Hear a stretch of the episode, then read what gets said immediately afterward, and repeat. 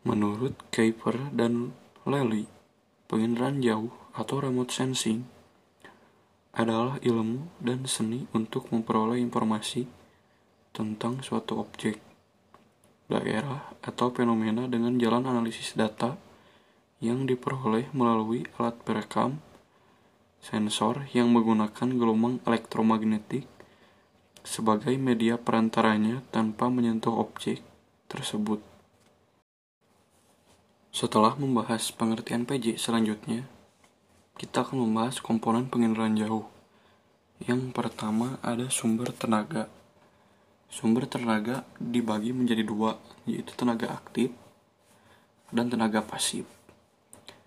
Tenaga aktif adalah sumber tenaga yang berasal dari radar yang aktif pada saat pengambilan objek. Biasanya wujud dari cahaya ini adalah berbentuk kilatan yang cepat dan berbentuk gelombang elektromagnetik. Sedangkan tenaga pasif bersumber dari sinar matahari yang masuk ke permukaan bumi. Jumlah tenaga matahari yang mencapai bumi dipengaruhi oleh waktu, lokasi, dan kondisi cuaca. Jumlah tenaga yang diterima pada siang hari lebih banyak dibandingkan dengan pagi atau sore hari. Lalu yang kedua ada atmosfer. Energi yang masuk permukaan bumi tidak seluruhnya sampai tapi hanya sebagian kecil yang masuk ke permukaan bumi. Energi tersebut dihambat oleh atmosfer melalui serapan yang dipantulkan dan diteruskan.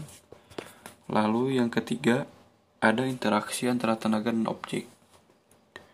Dalam perekaman objek diperlukan wahana, tenaga alami atau buatan, objek yang direkam, alat sensor, dan deteksi. Tenaga yang memancar ke permukaan bumi dalam kurung objek akan memantul dan direkam oleh alat sensor.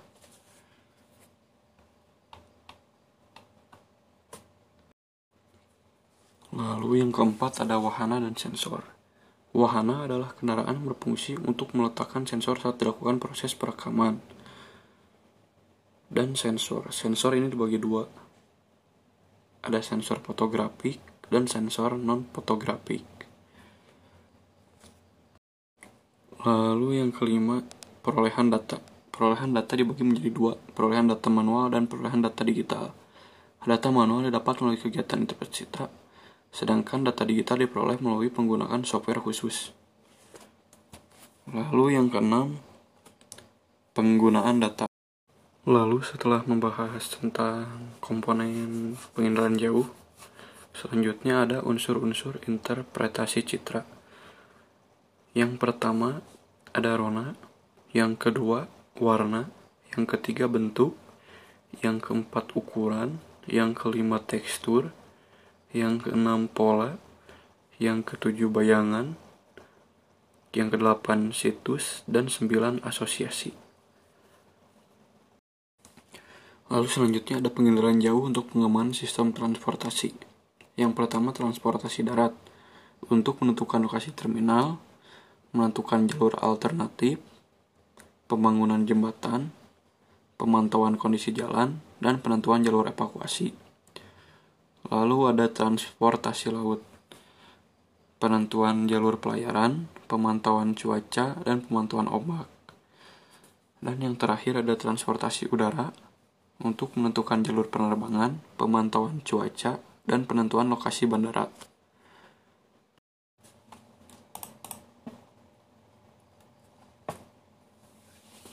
Lalu selanjutnya ada manfaat pengendaraan jauh dalam bidang transportasi.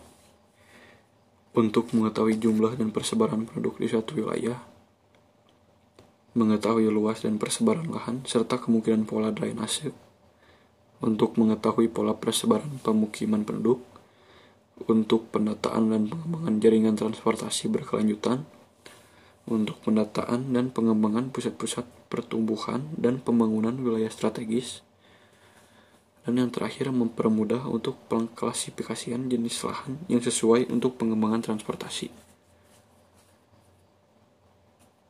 Itulah beberapa manfaat penginderaan jauh dalam bidang transportasi. Lalu selanjutnya ada pemanfaatan penginderaan jauh untuk tata guna lahan. Yang pertama, manfaat penginderaan jauh dalam bidang tata guna lahan adalah pemetaan penggunaan lahan, lalu penentuan arahan lahan, menentukan arah pengembangan suatu wilayah, menentukan lokasi pembangunan, menentukan model pengembangan suatu wilayah, dan yang terakhir menentukan titik-titik wilayah untuk perencanaan kawasan ruang.